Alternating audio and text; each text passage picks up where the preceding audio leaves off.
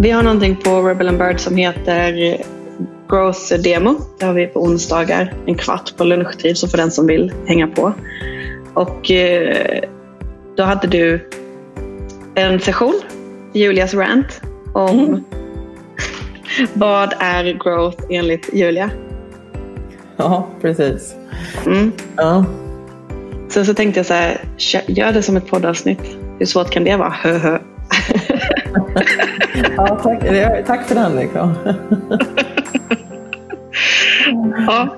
ja. Nej, men först så tänkte du väl också att det, det skulle bli ganska enkelt och sen så var, var det enkelt? Nej. Nej, eh, jag gjorde väl klassikern att eh, dels övertänkte jag det. Eh, gick igenom det i huvudet lite för många gånger. Och sen försökte jag liksom så här, jag försökte göra det enkelt och försökte göra det begripligt. Så att jag försökte liksom också hitta lite för mycket liknelser. Eh, jag kollade på andra typer av det. Alltså för mig är ju growth en vetenskap kan ju vara bra att börja med att säga kanske. Det är en vetenskap ja. och ett arbetssätt. Ja. Uh, och då började jag titta på hur andra branscher kanske förklarar sina metoder eller sina arbetssätt och sina vetenskaper. Jag kollade på KBT och jag kollade på förskolan och eh, Reggio Emilia och jag kikade lite och då blev det ju 20 resor mer komplicerat än vad jag hade tänkt. Och försökte bolla med dig och jag försökte bolla med vår kollega Oskar. Men jag, bara, jag målade in mig i ett eh, totalt mörkt hörn. och blev kanske en smula deprimerad. ja, men jag sa ju det till dig att det liksom blir så här om man är så fruktansvärt övertygad om att någonting är rätt, mm. så som jag är om att growth är det arbetssättet som kommer leda till mest eh, tillväxt och höja omsättningar och lönsamhet och allt möjligt. Och vara bäst för framförallt målgrupperna.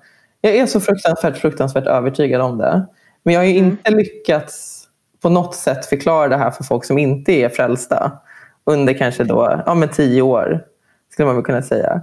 Och då börjar man ju tvivla. Okej, okay, men vänta, vänta, vänta. Här, du, du skrev till mig på Slack.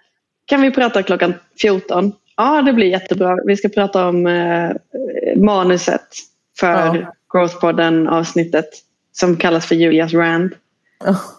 Okej, okay, så du, då, vi, vi rings upp och så mm. säger du det här första har Linda skrivit och sen så tankar från Julia. Där ja, men jag kom in där och så läste jag så här, growth kan inte vara något som en avdelning jobbar med. Det måste ju vara då blir det något som implementeras, ett lager uppe på. Growth måste komma först, typ underifrån. För det första är det inte så komplicerat som man kanske vill få det att låta. Nej. Alltså growth, alltså, liksom, vem vill inte ha tillväxt? Eller vem vill inte liksom, skapa något vettigt för sina, sin målgrupp eller använda de mottagarna? Det vill ju alla. Men mm. sättet och metodiken som ändå growth står för är ju det är ju typ en, ja, men ett arbetssätt, ett lärosätt för mm. att kunna implementera eh, målet, eller nå målet på ett mer eh, rimligt sätt. Och sen så vad man fyller det med. Olika verktyg, mm. olika metoder. Det kan vara Ibland kanske även ett growth-projekt eller även hur man använder, eller jobbar med growth kanske någon gång ändå måste vara vattenfall, alltså byggas upp ur ett vattenfallsperspektiv. Men mm lärosättet och arbetssättet inom det måste fortfarande vara growth. Det måste fortfarande hela tiden ha någonting annat än...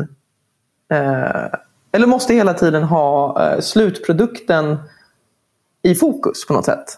Alltså mm. inte bara en deadline, inte bara en budget, inte bara en chef, göra en chef nöjd. Alltså, jag, alltså nu mm. det låter töntigt eftersom att vi jobbar på Rebel and Bird, men man, det, growth är ju lite rebell. Det är den som kommer mm. in och säger stopp. Vi behöver inte trycka på den där knappen. Vi behöver inte lansera sajten nu.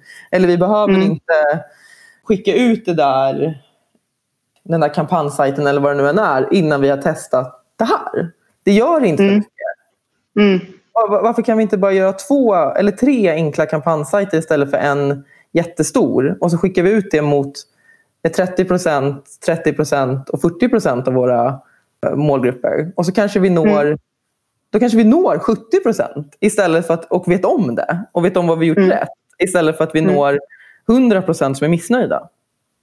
Och då menar jag att då kanske själva projektet är Vattenfall men tänket är fortfarande growth. Men berätta lite om, här, berätta din story. Jag började ju plugga, eller jag pluggade beteendevetenskap och sen skulle jag bli psykolog. Jag hade kommit in på psykologilinjen.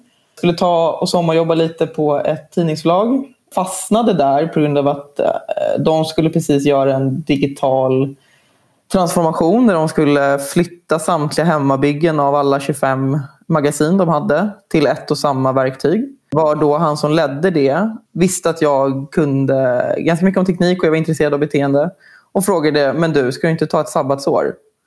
Eh, så gör vi det här under ett års mm. tid. Mm. Och ju mer jag insåg att så här, oj, herregud, man kan använda Google Analytics för att räkna ut folks beteende. Det här var ju 2007 mm. ska vi lägga till också. Eh, mm. det, var, det, är inte liksom, det är inte i närtid. Nej, men, och, då var det så här, varför ska jag bli psykolog när jag kan lika gärna analysera folks beteende när de inte vet om det? Och sen ta fram roliga... Ja, på riktigt. ja, men lite, alltså, här, folk behöver inte ens berätta för mig vad de tycker. Jag kan ändå... Eh, och då blev jag superintresserad av hela kopplingen mellan beteende och teknik. Så jag började... Ja, jag var ju kvar på det här tidningsförlaget i fem år, så det var väldigt långt sabbatsår. Mm. Men då, då, blev jag, liksom, då började jag ta kurser på Luleås tekniska universitet. Jag läste kognitiv beteendevetenskap inom eh, framtidsteknik, alltså AI. Eh, och jag började läsa genus och teknik, alltså hur sambandet mellan eh, ja, men teknik, alltså genus, in, genus och etik inom teknik. Alltså varför, hur finns det samband mellan hur, hur folk beter sig och omsorg och ja, allting men att det smittar av sig på en tekniskt uppbyggd värld, vilket vi ändå nu är på 2020. Liksom. Och det är därför jag har varit så intresserad, alltså för att jag har just beteendet i grunden. Att jag mm. tycker folks hur folk beter sig och hur folk inte vet om att de beter sig är det jag tycker mm. är intressant. Och då mm. att kunna påverka det med hjälp av och det är det här nu som det, det, det blir flum, eller som är så tydligt i mitt huvud men som jag har svårt att förklara. Att om man då vet allt det här, man vet hur folk mm. är, man vill jobba mm. med, man vill hjälpa dem, man vill leda både eh, bolaget man jobbar för men även användarna framåt. Man vill att alla ska bli nöjda. För mig mm. är det growth. Sen kan man slänga mm. in att det är så här, bam, här kommer lite UX. Det, vi måste jobba med UX nu för att det är det som, produkten här är inte tillräckligt eh, användarba, eh, användarvänlig för användaren så vi måste ta in en UX-designer. Tekniken är alldeles för seg, prestandan suger. Det här går alldeles för långsamt. Vi slänger in en utvecklare som förstår hur man bygger komplexa lösningar på ett enkelt sätt. Vi slänger in en, en copy, vi slänger in en innehållsstrateg som kan förklara för användaren att det här är rätt. Mm. Och så vidare. Och en art director och en, liksom, allting bara in i ett och samma team. Men alla jobbar efter samma mål och det är att göra eh, produkten tillräckligt bra eller liksom så pass bra att användaren är nöjd men också så pass bra att den som levererar den är lika nöjd. Alltså att mm. man gör alla nöjda i ett liten härlig, ja, ett härligt häng. Men det är exakt det där. Jag tror att jag, jag och Jasmin har pratat om det i så många avsnitt ja. så jag typ vill kräkas på mig själv att jag säger det här igen. Men det är ju det som är, det är, det som är kärnan och det är målet. Målet, alltså användarens mål, affärs, affären ja. har ett mål. När de överlappar, mm. då blir det tillväxt. Men vi, vi vet inte exakt vad det är som är själva överlappet. Eh, och ju mer vi kan testa och lära oss om att hitta det överlappet, ja, men desto större sannolikhet att, sannolikhet att vi får tillväxt. Så målet för, eller så här, i kärnan i tillväxt, kärnan, eh, eller navet i den här growth-metodiken är att man är totalt eh, målfokuserad. Mm. Att man kan definiera målet, förstå målet, förklara det för andra och att det är det som är ledstjärnan då hela tiden. Ja, och, det, och, och inte blir... budget. Nej, budget är inte ledstjärnan. Budget måste nästan alltid vara sekundärt. För det är också så här, alltså det, det, för det som jag tror att man också ofta snurrar in sig i att folk är så här, men oj, vi har bara 100 000. Vi är ingen jätteorganisation, men vi måste göra någonting, men vi har bara 100 000. Och det, är så här, det går fortfarande att jobba growth alltså growth-aktigt med 100 000. Det går att jobba growth-aktigt med 10 000. Det går att jobba growth-aktigt med en miljon. Alltså så här, budgeten har ingen betydelse. För att det gäller ju bara att skala upp och skala ner. Och våga mm. kanske bränna 30 procent av budgeten för att testa. För att sen lyckas nå målet på resterande 70 procent. Men så fort man börjar säga nej på grund av budget eller tid, då tappar du alltså då tappar du användaren. För då kommer alla mm. börja, du kommer börja tumma på kvaliteten. Du kommer börja tumma på det som gör att För du dina... optimerar, för, du optimerar ja. för budgeten och inte för, för upplevelse, användarupplevelse. Exakt. Ja, och du, optimer, eh, precis, och, och du optimerar för typ att göra någon annan nöjd som inte har någon betydelse egentligen. Du vill mm. göra den som sitter på budgeten nöjd, inte den som ska använda produkten nöjd.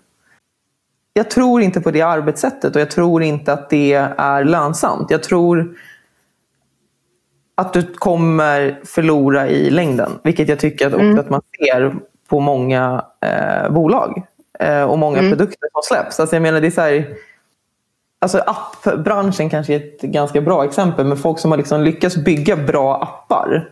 Det var inte den, mm. första, appen. det var inte den första appen de släppte. Nej. Alltså det var ju liksom, de hade ju x antal misslyckanden i, ba, i, i, i bagaget. Mm. För att sen hitta någonting. Och de använde sig av eh, kanske tester från andra appar. De kollade på all typ av statistik, all typ av data som slängdes in. För att sen mm. hitta någonting som användarna skulle gilla. Nu, eh, appar kanske var ett dåligt exempel. Men jag tror att Nej, men det är, inte alls ett, det är inte alls ett dåligt exempel. Vi, har, vi brukar ju snacka om det, det blir nog ett eget eh, avsnitt. Men att vi ja. är alla är typ lika dåliga på att gissa vad det är som kommer funka för oss ja. att uppnå det vi vill uppnå. Ja. Eh, sen så kan vi ha olika skills och olika erfarenhet som gör att man kanske blir lite mer träffsäker än någon annan. Men när man hela tiden bygger någonting för någon annan där man själv inte är den direkta slutanvändaren så är vi inte i deras kontext. Och därför kan vi inte veta. Det är här, världen är lite för komplex tänker jag för oss att, att kunna greppa. Så vi behöver bara Ja, men om vi alla är lika dåliga på att gissa vad som kommer funka så är den som har högst tempo i att lära sig, så här, det funkar, det funkar inte, bort med det då. Eh, den som har högst tempo i det och att kan omvandla det till faktisk eh, verksamhet eller faktisk produkt. Det är den som mm. kommer vinna. Mm. Och det är själva så här, det blir arbetssättet. Om navet i growth är att man vet vad man, vad man ska uppnå så blir sättet med vad man, hur man uppnår det blir det här experimenterandet. Ja men och, och då är alltså exakt och, och, appar då, alltså om man bara tittar på hur typ nu skäms jag lite här för Google Play, eller vad heter det? Deras App Store fast för Google, Google Play. Ja, heter det? Ja. ja. Och, ja, App, ja. och App Store är uppbyggda på ett sätt att det faktiskt är så att du får ut nya versioner av din app hela tiden. Därför, alltså, mm. här, ja, men det, det, det, har ju också skapat ett annat typ av beteende hos människor, ett annat typ av acceptans. Att det är så okej okay, jag laddar ner den här appen. Jag vet att inom 5 till 10 dagar kommer det komma en uppdatering som jag kommer vara tvungen att ladda ner. Jag klickar mm. på den uppdateringen utan problem. Jag har ingen liksom så här, jag blir inte ledsen för att allting inte funkar på en gång exakt som jag hade förväntat mig. För att jag någonstans i huvudet vet att det kommer komma en uppdatering. Alltså, mm. så här, allting sker, för alltså, hela beteendet kring hur appar är uppbyggda är ju att saker och ting förändrats. Alltså man är ju medveten om det. Sen så måste ju själva grundfunktionen alltid finnas där såklart. Mm. Men att det ändå är super. Så jag tycker min, nu ska jag inte göra reklam för Mario Kart till dig kanske. Men, eh, ja, det, det, finns massa grejer där som inte funkar. Eh, mm. Eller som inte har funkat. Men det är tillräckligt bra för att jag vill fortsätta använda det. Och mm. Jag märker nu, ja, men nu, igår kom en ny uppdatering och då hade de fixat det jag hade stört mig på. För då har de väl mm. upptäckt att folk har liksom klickat ut och klickat in och stört sig över det. Och de har mätt mm. beteendet och nu har de ändrat det. Liksom, jag klickar ju liksom alltid på den där lilla eh, bubblan och uppdaterar. Det är inte mm. konstigt. Nej. Och det, jag tror att det är det också man glömmer bort. att det är så här, ja, men för vi, Jag vet inte. Vi, det man, eh, världen är ju så fullkomligt dynamisk nu. Det är bara att ta, eh, jag vill inte nämna coronan, men skitsamma. eh, jag vill bara se så här, vad, vad, liksom, alla som kan jobba hemma, vilket alla självklart inte kan, men de mm. branscher som kan det har ju anpassat sig nu. Vi har ju ändrat mm. vårt beteende. Och liksom folk börjar tycka att det är helt okej att ha möte klockan åtta för att man slipper förflytta sig. Alltså, mm. Alltså, en sån sak är ju liksom så här, Vi, vi förändrar oss eh, löpande och vi är dynamiska. Precis som att tekniken är 100% dynamisk. Just, alltså så här, den, ja. Mm. Och Det var ju då jag snörde in på kognitiv beteendevetenskap. När jag skrev, som jag sa till dig. Alltså så här, det, hela den bygger ju på att man ska förändra sitt beteende. Alltså det är en terapi som funkar för att den är så mottaglig. Ja, okej okay, men eh, det här har vi också snackat om någon gång. Eh, det här med att här, man kommer in i en organisation och så är man den här som är övertygad om att så här, det, här, det här sättet som många jobbar på, uppdelat, så här, marknads gör det där och säljer det där. Det finns ett annat sätt och vi kallar det för growth och så måste man börja förklara och försvara det här nya sättet. Och jag känner bara fuck off. Eh, nej men varför måste, här, både du och jag har jobbat med det här i tio år. Mm. Alltså det har hänt mycket men det har samtidigt inte hänt så mycket. Varför, varför måste bevisbördan ligga här liksom, på det här nya sättet så att övertyga om att det gamla sättet är dåligt? Varför kan vi inte vända på det och så eh, får någon förklara varför vi ska fortsätta jobba på det här gamla sättet? Mm. Men vad tror du att de hade sagt då? Om man började ifrågasätta, om man kliver in som någon sorts opposition och bara ifrågasätter. Vad hade de svarat och vad finns det för bevis för att den gamla arbetsmetoden funkar? Då? Finns det ens? Liksom? Alltså, på ett sätt så finns det ju för företag finns ju kvar tills de inte finns kvar. Mm. Jag vet inte, för gamla så stora organisationer som har levt väldigt länge så är det väl liksom ja, men om det är det enda man vet. Det är mm. jättejobbigt att förändra sig. Det är mm. jättejobbigt att ändra, ändra någonting. Jag vet inte hur det skulle funka i praktiken, bra fråga. Men egentligen så är det skitsamma. Det är mer som en mm. tankeövning. Varför ska vi fortsätta jobba på det där sättet? När man eventuellt skulle kunna jobba på ett annat sätt. Mm. Ja, nej, men jag håller med dig. Alltså det, det är ju ganska... Det är väl lite det growth också är på något sätt. Att det liksom är så här, det, det, handlar ju om att samla bevis för vad som är rätt. Alltså så här, du ska testa mm. så pass mycket för att hitta rätt lösning. Men mm. det är ju också på något sätt att inte ifrågasätta varför vi ska testa det. Alltså att det är så här, mm. nu blev det lite meta kanske, inte vet jag. Men, eh, men att det är att när, om, om man kommer in i en ny organisation, man, man vet att det finns Eh, men ett, ett arbetssätt att jobba på. Det finns ett sälj, det finns ett marknads, det finns några som jobbar med produktutveckling och så vidare. Och så kommer man in där och ska leda growth eller vad man nu än ska göra. Och så börjar man eh, vilja rodda runt och så börjar folk bara säga, men varför ska vi göra så? Varför ska vi göra på ditt sätt? Och då, för mig är det redan där, growth är att inte ifrågasätta det. Growth är ju våga testa det då. Mm. Att testa det nya arbetssättet. Nu blev det ju flummigt här. Jag tappade, jag tror jag tappade tråden. mm. du grävde ju ner oss i den. Ja. Nej men jag vet, alltså på onsdagar vid klockan 10 över 12 så har vi growth demos. Mm. Eh, då är det en person som kör, håller låda en kvart och berättar någonting som vi har lärt oss eller någonting som är kopplat till eh, det här sättet att jobba. Vi körde internt på Rebel and Bird. Och då din senaste session var Julias rant. Mm.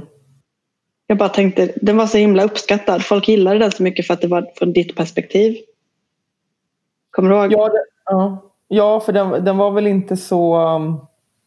Uh, den var, jag, hade ju, jag pratade ju verkligen från hjärtat eller vad man säger. Nej, men, uh, jag, ja. jag pratade ju om min syn på arbetet kring growth och varför jag tycker att det är så viktigt och varför jag anser att det inte är eh, bara ett gäng growth-människor som ska jobba med det utan att det är, ja. det är även utvecklarna, det är AD, det är UX, det är innehållsmänniskorna, det är strategerna, det är liksom det är alla eh, som behöver jobba med det eller ha den vetenskapen som grund att stå på eller som den arbetssättet att, att liksom tänka.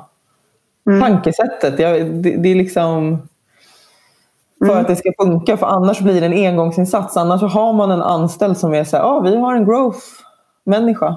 Eh, mm. ah, den, la in, den la in lite trackingkod. Och sen är man mm. nöjd. Det blir liksom... Kör en Facebook-kampanj här. Ja, ja, och man, börjar, man trackar i efterhand. Man kollar bakåt i tiden istället för framåt. Man använder Google Analytics eller andra mätverktyg för att se historiken, inte för att tänka hur kan vi göra framåt. Man blir inte proaktiv. Mm. Jag, jag, tror att det, alltså det är klart att det kan finnas avdelningar som heter growth. Att man är, precis som man har då en sälj eller marknadsavdelning så har man en growth-avdelning. Men det, det, det tänket som de personerna som är anställda för att göra det måste ändå spridas över hela bolaget på något sätt. Mm, men jag eh, tror att de företagen som har den avdelningen ja. Där har man ett väldigt tydligt målfokus. Där tror jag att det redan finns. Du kan inte ha en sån avdelning utan att ha det mindsetet för du skulle inte ha byggt upp din organisation så då. Nej, så eh, jag tror också att någon måste ha Ja, men jag tror också att någon måste ha målet i fokus. Sen är det väl så en, en liten så side-note är väl att vissa börjat döpa om sina marknadsavdelningar till growth-avdelning. Det är en annan diskussion. Ja, du skakar på huvudet. Ja, jag håller med. En annan diskussion, det krånglar till det lite. Hela det här ordet growth kanske krånglar till det. Men... Ja, men det var just det att ordet, det kanske är ordet i sig som är problemet också. Att det blir på något sätt som så här, det är svårt att uttala. Det är jobbigt att mm. säga. För man säger det liksom så här, man spottar lite när man säger det. Men, och, och eh, det kanske är svårt att greppa för folk som inte har jobbat med den här typen av arbetssätt tidigare. Där i min rant så hade jag ju liksom, jag kallade det ju också 13 år av titlar. Att det liksom är, jag har gjort samma sak i princip sen jag började. På, tre, eller nu, på fyra olika arbetsplatser. Men jag har haft mm. kanske 20 olika titlar i olika typer av konstellationer. Att det liksom har varit Alltså vi, vi lever ju i en trendkänslig värld. Alltså det, alltså, och mm. vi, vi, vi jobbar ju i en trendkänslig bransch. Mm. Att det liksom är så här, vi kan, 2007 skulle alla vara SEO-experter. 2009 mm. skulle alla vara webbanalytiker. 2012 mm. skulle alla vara growth hackers. Eller liksom mm. så här, att det är så här, och det ser man ju också på skolorna inom det här. Hur de ändrar ja. sina kursplaner, hur de döper Ja, eller så här, liksom att eh, förut skulle man kalla sig strate strateg, nu är man kreatör fast man gör samma mm. sak. Det är, också liksom, det, är så här, det, det, är ju en trendkänslig bransch och en trendkänslig värld. Och på det sättet kanske man bara ska säga vi jobbar målgruppsanpassat. Punkt. Eller vi jobbar eh, mot användarna och målet. Eller användarna är, och, och affären. Alltså användarna och affären är alltid målet. That's it. Alltså, det är ju svårare än så är inte growth egentligen. Men jag tycker det här var ganska kul. Det kanske, blir, det kanske är ett avsnitt. Ja, vi, får, vi kan få lyssna på det i alla fall.